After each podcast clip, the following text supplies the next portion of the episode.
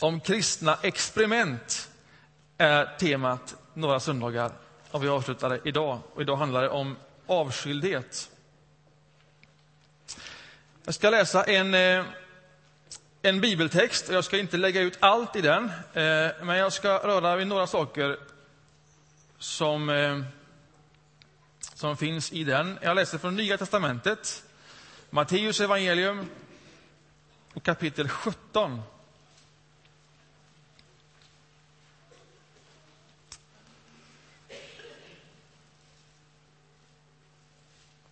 Och från början där.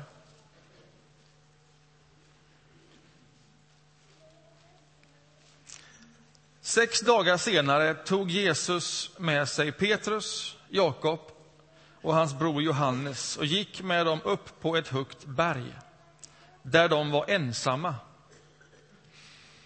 Där förvandlades han inför dem. Hans ansikte lyste som solen och hans kläder blev vita som ljuset. Och de såg Mose och Elias stå och samtala med honom. Då sa Petrus till Jesus, Herre, det är bra att vi är med. Om du vill ska jag göra tre hyddor här, en för dig, en för Mose och en för Elia. Medan han ännu talade sänkte sig ett lysande moln över dem, och ur molnet kom en röst som sa, detta är min älskade son. Han är min utvalde. Lyssna till honom. När lärjungarna hörde detta kastade de sig ner med ansiktet mot marken och greps av stor skräck. Jesus gick fram och rörde vid dem och sa, stig upp och var inte rädda. De lyfte blicken och då såg de ingen utom Jesus.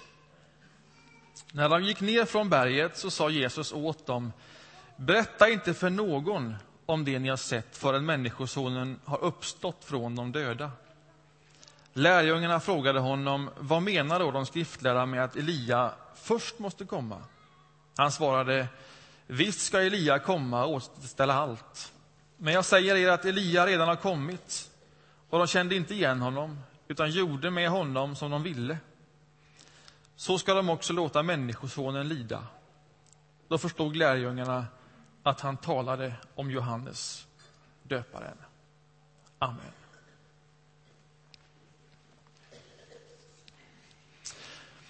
Alla är på väg någonstans. Frågan är bara vart. Och vad är det som styr vart man är på väg? Naturligtvis är det drömmar, alltså det man drömmer själv om. Det påverkar vart jag är på väg.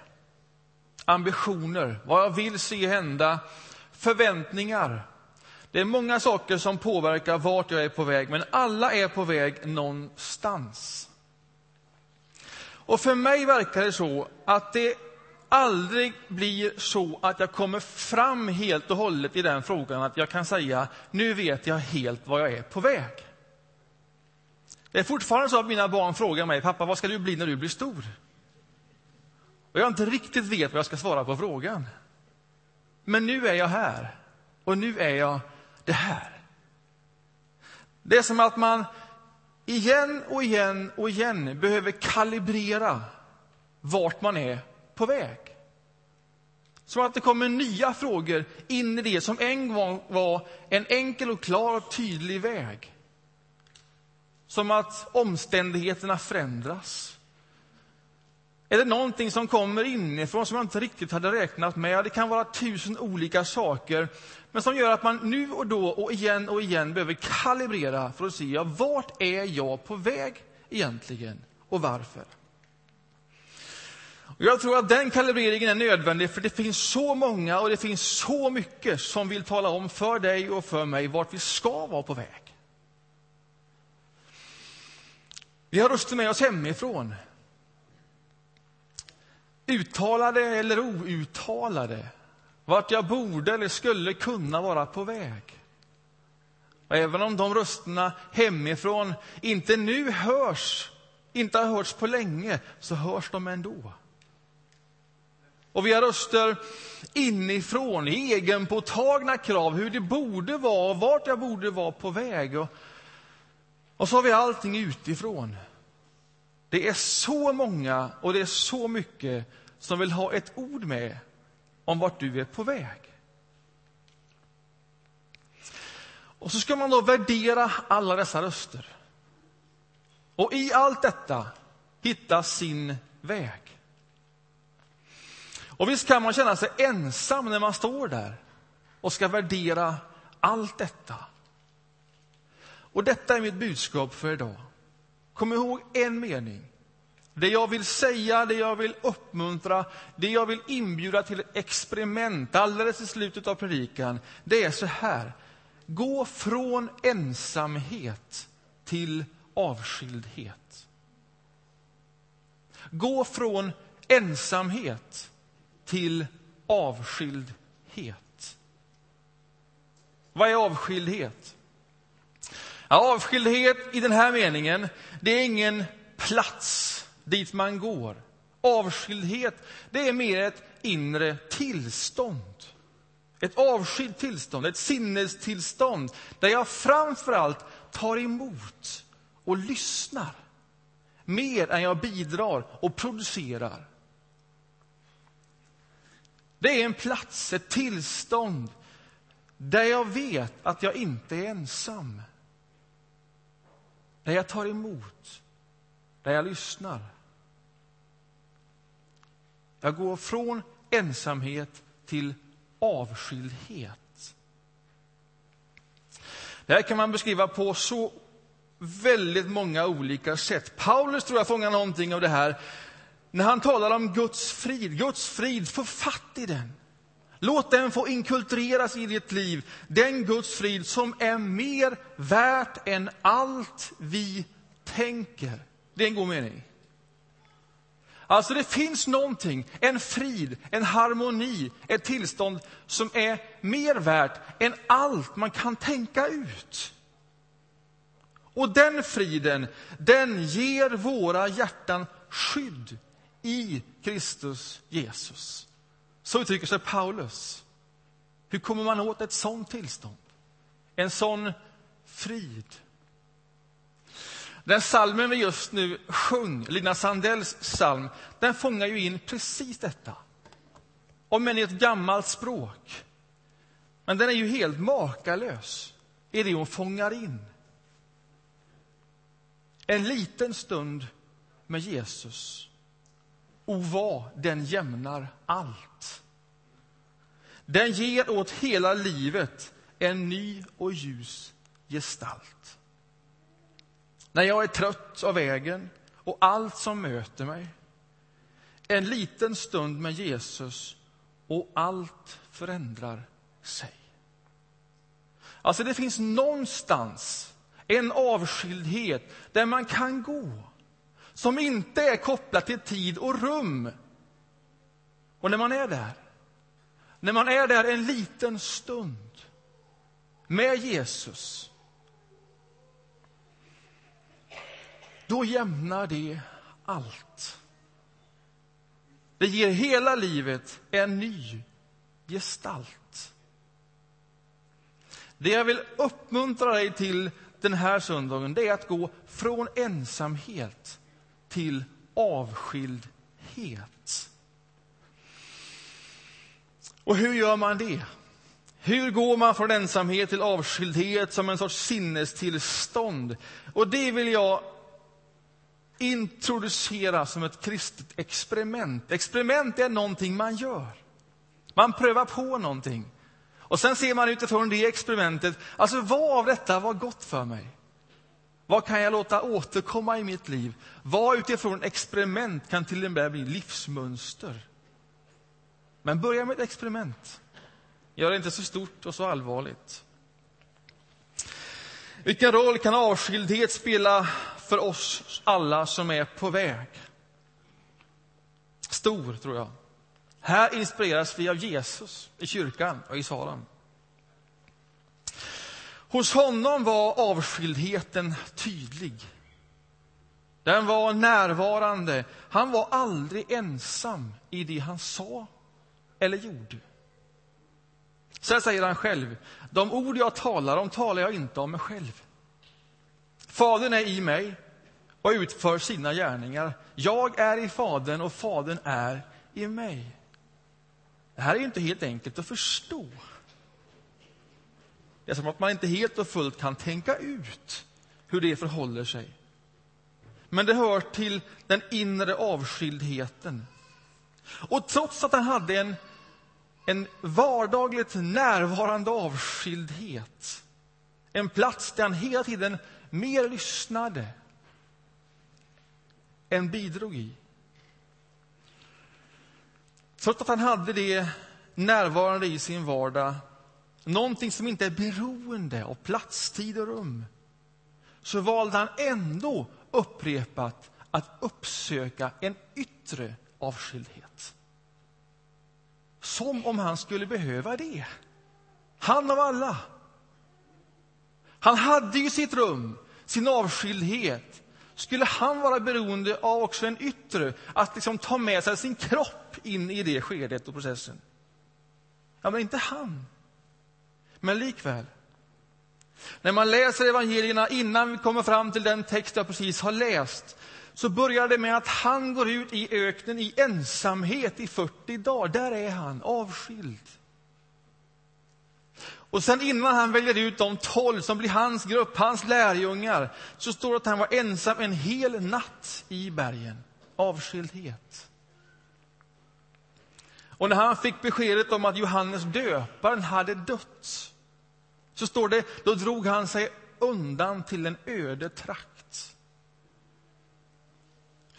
Och efter brödundret, när 5 000 människor hade fått bröd av nästan ingenting, makalöst under, då går han upp på berget för att få vara för sig själv, som det står. Och så söker han av alla återupprepat en yttre avskildhet som för att ta med kroppen och påminna sig om denna avskildhet. Att gå från ensamhet till avskildhet. Och då är vi framme vid den texten som jag har läst. När han tar med sig Petrus, Jakob och Johannes upp på ett högt berg där de var ensamma. Varför tar han med sig just de tre upp på ett berg? Varför blir han ensam med dem? Ja, det här var hans inre grupp av lärjungarna. De får vara med om mer än andra får vara med om. De följer honom närmre, kan det tyckas, när man läser evangelierna. Och jag tror att det här hör till Jesu pedagogik. Han säger inte bara vad man ska göra och ska tänka, utan han bjuder in människor att uppleva det med honom, att vara nära honom när han gör det. Det är hans pedagogik. Han bjuder dem in till sitt liv för att få smak på det som där händer. Så är det när han lär dem att be. De säger lär oss att be. Vi vet inte hur vi ska be. Och då säger han inte bara ja, men tänk på det här och det här och det här och det här. Utan vad han gör är att han ber med dem. Fader vår, som är i himmelen. Låt ditt namn bli helgat. Och så ber han tillsammans med dem och i det upptäcker de hur man ber. Jag tror han ville ge dem ett livsmönster som uppmuntrar avskildhet. Det är vad han lär dem i detta. Det här sker sex dagar senare, står det. Det där är en sån där intressant notering. Sex dagar senare, vad hände för sex dagar sedan? Varför vill man koppla ihop det här med det som hände för sex dagar sedan? Det som hände för sex dagar sedan, det var att han ställde frågan till lärjungarna, vem säger man att jag är? Och sen kommer liksom Petrus på det där. Vem han tror att Jesus är. Du är Messias, den levande Gudens son. Och när Petrus säger det, då släpper Jesus in honom i det som ska ske. Så är det. Och den levande Gudens son, den ska lida och dö. Det är vägen framåt. Det är vad som hände för sex dagar sedan. Han släpper in dem i hemligheten att han ska lida och dö. Det är det som väntar. Jesus är väl en av dem i världshistorien som borde ha vetat precis var han var på väg. Ja, det visste han nog. Men som aldrig tvekade eller kände osäkerhet i det. Som inte behöver kalibrera det på nytt, utan bara gå stadigt, enkelt och fast. Jag menar, han var ju Guds son. Och hans uppdrag var så specifikt och bestämt från början. Väldigt fast. Och samtidigt var han en av oss. Det är det som avtecknas här. Samtidigt var han en av oss. En av oss som också ska värdera alla röster som kommer om hans väg, om vart han är på väg. När Petrus hade liksom fått upp ögonen, du är Messias, och han hade sagt, jag ska lida och jag ska dö. Då säger Petrus till honom, aldrig må Gud bevara dig, något sånt ska aldrig ske. Så säger den närmsta av lärjungar. Och det är väl klart Jesus tänkte, nej men tänk om det aldrig skulle behöva ske. Det är en fantastisk tanke. Att slippa lidandet. Att inte behöva gå in i det. Om det verkligen, verkligen inte var nödvändigt.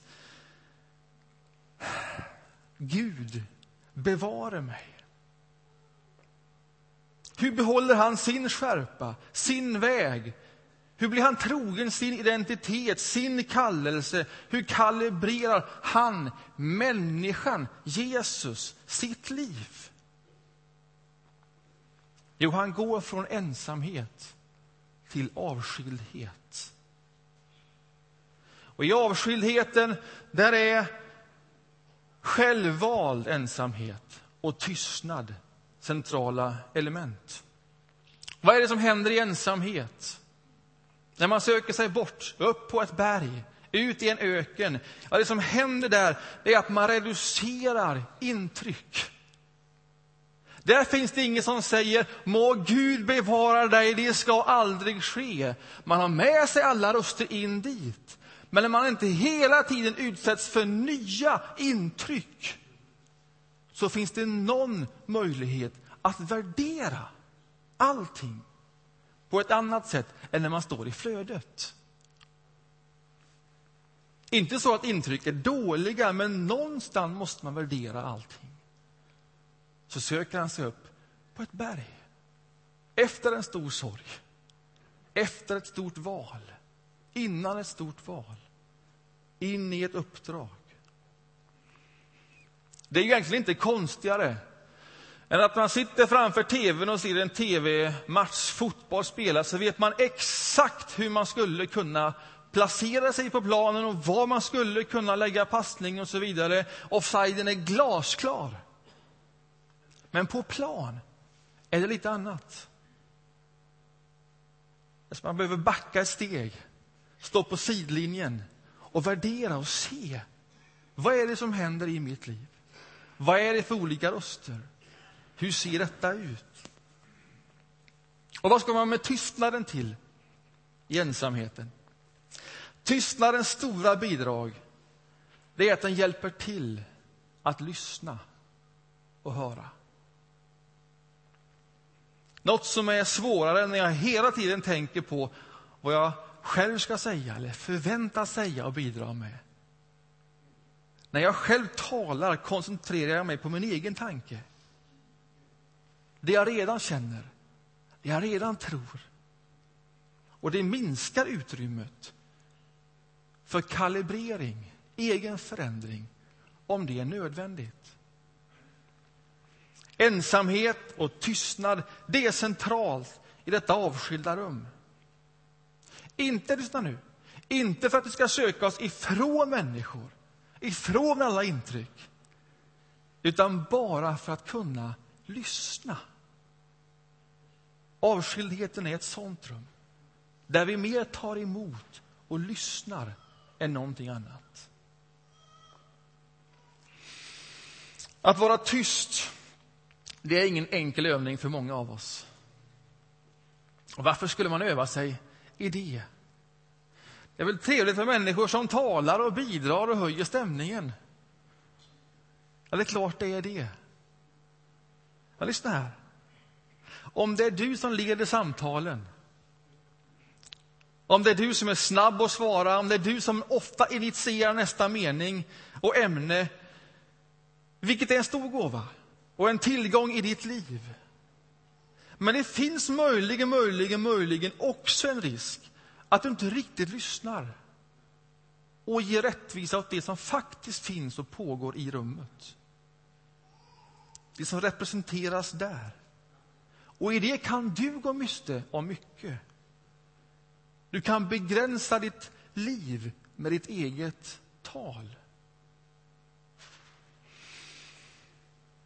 Jag tror att om du eh, som en övning skulle gå in i en dag och vara mer tyst än vad du brukar vara. Alltså bara lite återhållsamhet. Och inte vara snabb på bollen på en gång. Utan vänta några sekunder. Dröja i det. Så skulle det kunna vara så att ditt tal när du väl talar blir ett ännu större bidrag in i det sammanhanget. Därför du vet nu vad du talar in i. Därför att du har hunnit lyssna. Vad som sker. Vem som är där. Vad som pågår. Ditt bidrag blir möjligen än mer meningsfullt. Ge dig själv den övningen att för en dag vara lite mer tyst än vanligt. Som en övning i att lyssna. För tystnaden i sig är väl inget. Men som en övning i att lyssna. Och en sån övning det kan vara ett sätt att gå från ensamhet till avskildhet. Det som händer när Jesus går upp på berget, när de är där i ensamhet, han och den inre gruppen, det är ju någonting spektakulärt. Det står om hur Jesus förvandlas och hur hans ansikte lyser som solen och hur hans kläder blev vita som ljuset. Detta är ju spektakulärt, oerhört. Vilken förändring. Och samtidigt spektakulärt, visst, men detta var ju den han också var. Nu lyste hans ansikte som solen, liksom Guds ansikte alltid lyser som solen och alltid värmer. Så gör den också hos honom, han som också är Gud, Guds son.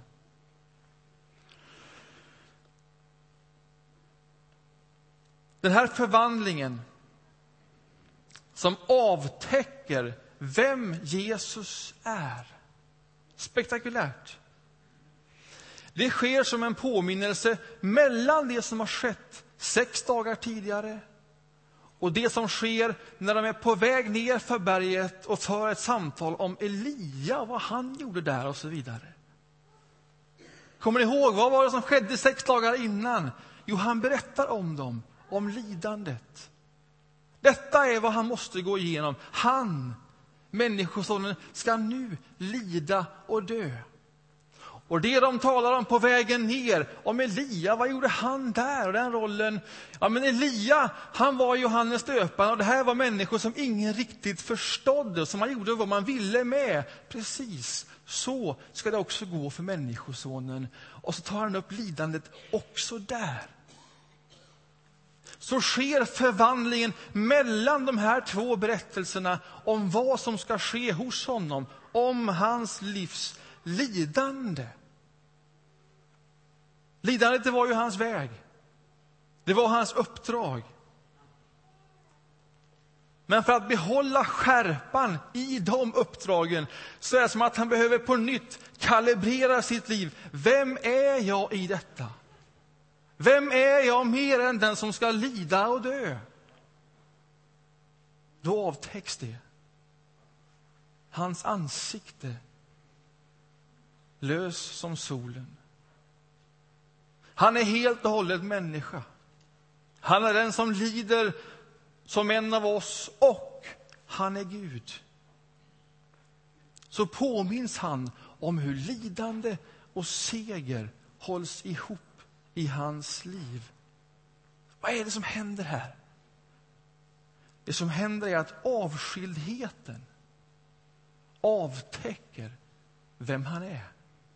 Påminner honom, kalibrerar, upptäcker igen livsmålet. Han är människa och han är Gud. Och det håller han ihop. Det är hans identitet. Och jag tror att livsmål, det är ingenting som man skapar. Det är ingenting som gör man går avskild, man går ensamt och sen bygger man sin egen målbild av allting. Jag tror att livsmål i den här meningen, det är någonting man upptäcker. Som avtäcks, som finns där. Och när man kliver in i avskildheten så kommer man liksom åt det. Det upptäcks. Att upptäcka sitt livsmål är i hög grad att, att upptäcka vem man är. Och vad det betyder i just den här tiden och i den här situationen. Och i avskildhet kan man upptäcka det i samtal med honom som skapat oss. I avskildhet möter man sig själv i samtal med Gud. Och när du är där i avskildhet, när du söker ensamhet, tystnad och lyssnar, vad hör du då? Vad avtäcks i ditt liv? Ja, men kanske är det inte så spektakulärt som i det här, därför att det här är Jesus. Men vad avtäcks i ditt liv? Vem är du där? Vad kommer fram för längtan, för dröm? Vad blir viktigt för dig när du är där? Och gör det inte så märkvärdigt stort och spektakulärt. Utan ta vara på, fånga in på det som kommer där. Vad kommer upp i avskildheten? Detta är viktigt för mig. Ta vara på de små vardagliga tingen som kommer upp där, därför att Gud har omsorg om hela ditt liv. Han bryr sig om hela ditt liv och vem du är. Fånga in det som är där. Jag menar, om du är på väg någonstans, vilket vi alla är, varför inte låta det ske i samtal med Gud? Upptäck det tillsammans med honom som skapat dig.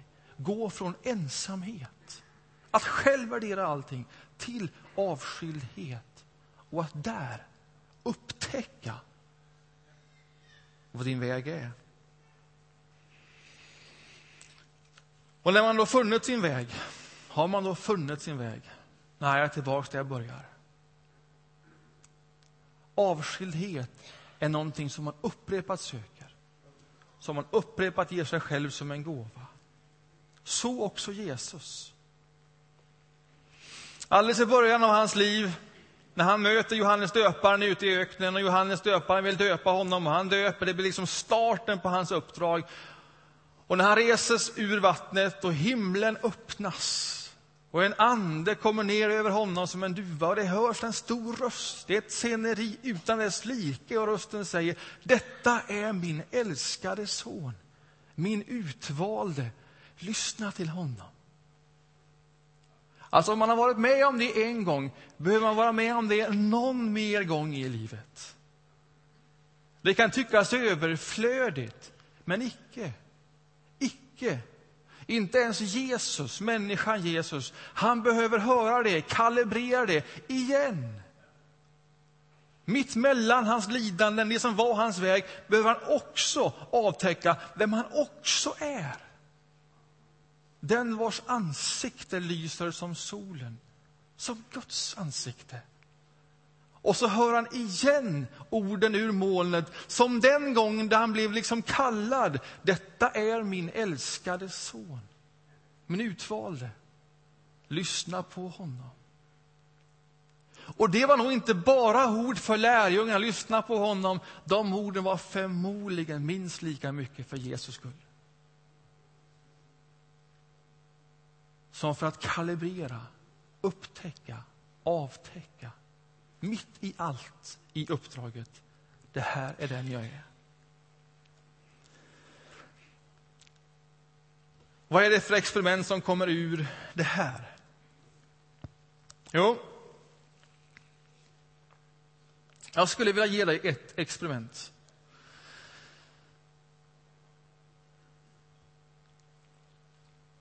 Och det är att eh, välja en dag, en hel dag.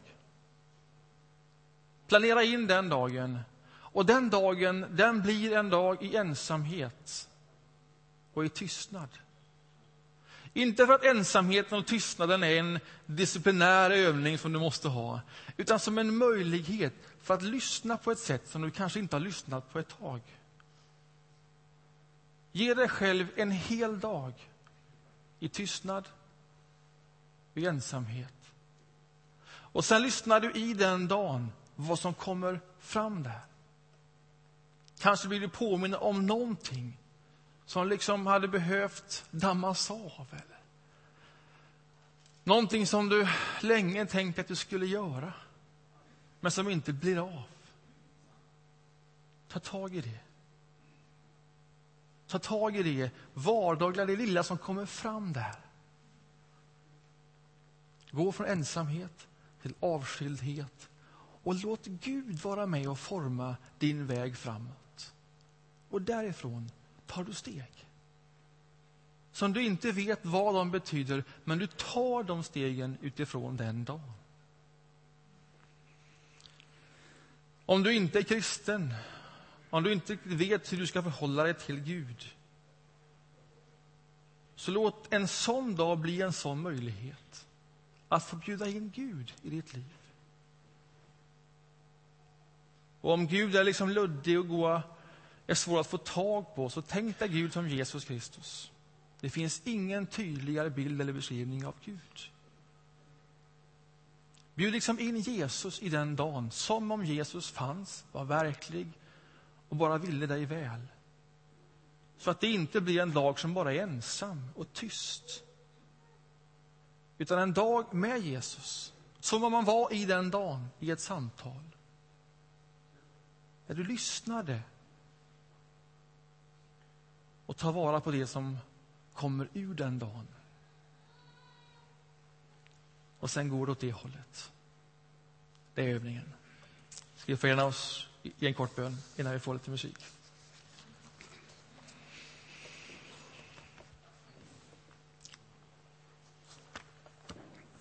Jesus, tack för att din väg också är vår väg.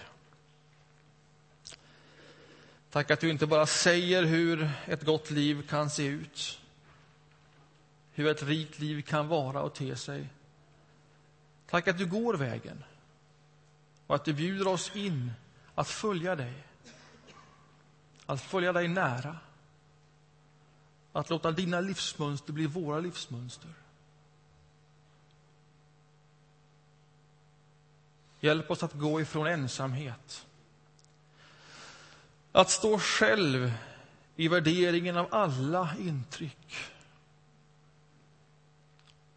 Och gå till avskildhet och nå det där rummet, tillståndet, platsen där man inte är ensam